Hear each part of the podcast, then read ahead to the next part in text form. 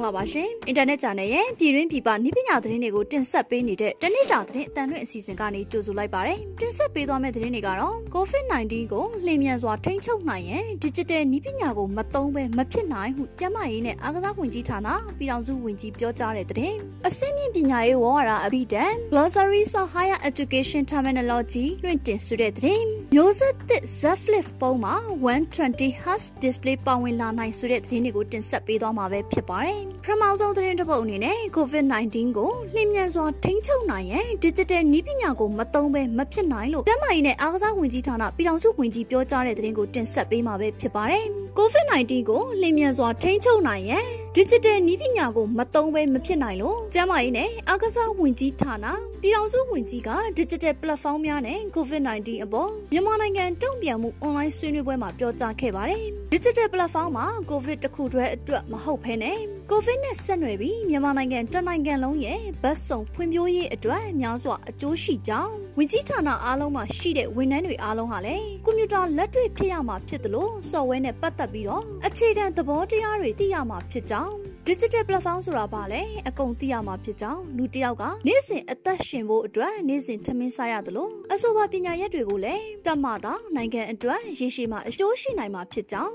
ကျန်းမာရေးနဲ့အားကစားဝန်ကြီးဌာနရှိတက္ကသိုလ်16ခုတွင်လည်းအဆိုပါပညာရပ်များကိုတင်ယုံညွှန်းနဲ့ထည့်သွင်းရန်စီစဉ်ဆောင်ရွက်သွားမှာဖြစ်ကြောင်းအဖွင့်မှာစကားမှာထည့်သွင်းပြောကြားခဲ့ပါတယ်။ဒီနေ့ဆွေးနွေးပွဲဟာ COVID-19 နဲ့ပတ်သက်တာဖြစ်တဲ့အတွက်ကျွန်တော်တို့တွေအနေနဲ့ COVID-19 ကိုအောင်မြင်စွာနဲ့လျင်မြန်စွာထိန်းချုပ်နိုင်မယ်ဆိုရင် digital နည်းပညာကိုမသုံးဘဲနဲ့မဖြစ်နိုင်ပါဘူး။ COVID control ဟာလျင်မြန်သောဆုံးဖြတ်ချက်ကိုချရမယ်။လျင်မြန်သောဆုံးဖြတ်ချက်ကိုချမယ်ဆိုရင်စစ်မှန်တဲ့ဗတ်စုံစိတ်ချရတဲ့အချက်လက်တွေရမယ်လို့ကျန်းမာရေးနဲ့အားကစားဝန်ကြီးဌာနပြည်ထောင်စုဝန်ကြီးဒေါက်တာမြင့်ထွေးကပြောကြားခဲ့ပါတယ်။ကျန်းမာရေးနဲ့ဝန်ကြီးဌာန website တွင်ဝန်ကြီးဌာနဆောင်ရွက်ချက်တွေသတင်းထုတ်ပြန်ချက်တွေဝန်ထမ်းတွေအတွက် SOP စတာတွေအပြင်မြောင်များစွာသောအကြောင်းအရာများရှိကြောင်းဒီအကြောင်းအရာတွေကိုဝင်ကြည့်တဲ့အခါမှာဘုသူတများရမှာလည်းဖြစ်ကြောင်း COVID-19 တွင် GIS နည်းပညာကိုသုံးပြီးတော့ COVID-19 surveillance and dashboard မြေပုံများလည်းရှိကြောင်းဒီအချက်တွေကိုပြည်သူတွေကသိရှိမှသာလဲအထောက်အကူပြုနိုင်မှာဖြစ်ကြောင်းပြောကြားခဲ့ပါတယ်။ ကျွန်တော်တို့ COVID မှာ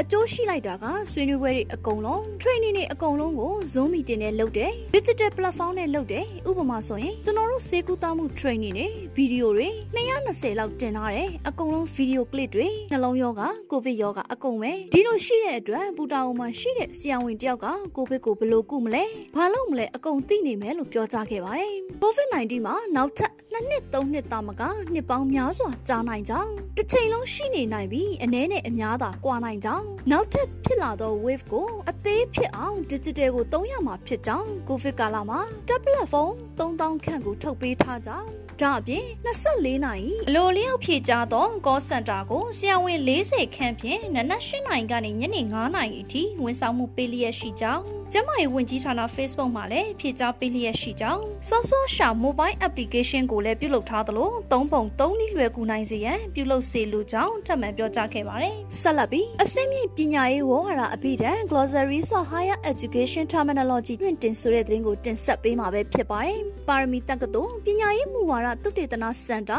Centers for Education Policy Research ရဲ့အစင်းမြင့်ပညာရေးဝေါ်ဟာအပိဒံ Glossaries of Higher Education Terminology ကိုလွှင့်တင်ထားပြီးဖြစ်တယ်လို့သိရပါတယ်။အဆိုပါ electronic အပိတံပုံစံကိုလူအများအလွယ်တကူဖတ်ရှုနိုင်ရန်ပါရမီတက္ကသိုလ်ရဲ့ website ပေါ်တွင်လွှင့်တင်ထားပြီးတော့ electronic အပိတံတွင်မိမိရှာဖွေလိုသောဝေါ်ဝါဒစကားလုံးကို search box တွင်စာရိုက်ခြင်းဖြင့်တွေ့ရှိနိုင်မှာပဲဖြစ်ပါတယ်။ electronic အပိတံနဲ့ဝေါ်ဝါဒအပိတံတစ်ခုလုံးကိုဖတ်ရှုလိုပါက IJ Pocket ရဲ့ description ထဲမှာပေးထားတဲ့ link ကိုဝင်ရောက်၍ဖတ်ရှုနိုင်မှာပဲဖြစ်ပါတယ်။နောက်ဆုံးသတင်းတစ်ပုဒ်အနေနဲ့မျိုးဆက်သစ် Z Flip ဖုန်းမှာ120 Hz display ပါဝင်လာနိုင်ဆိုတဲ့သတင်းကိုတင်ဆက်ပေးမှာပဲဖြစ်ပါတယ်။ Samsung ဟာ Galaxy Z Flip နဲ့ Z Flip 5G ဖုန်းတွေကိုထုတ်လုပ်ထားပါတယ်။ထွက်လာတဲ့သတင်းအရ2021ခုနှစ်ဒုတိယ3လပတ်မှာမျိုးဆက်သစ် Galaxy Z Flip ဖုန်းထွက်လာနိုင်ပါတယ်။သတင်းအချက်လက်ဖော်ထုတ်သူ Ice Universe ကတော့ Galaxy Z Flip 3လို့ရည်ညွှန်းပြီးတော့အချက်လက်အနည်းငယ်ဝေမျှလိုက်ပါတယ်။ Z Flip 3မှာ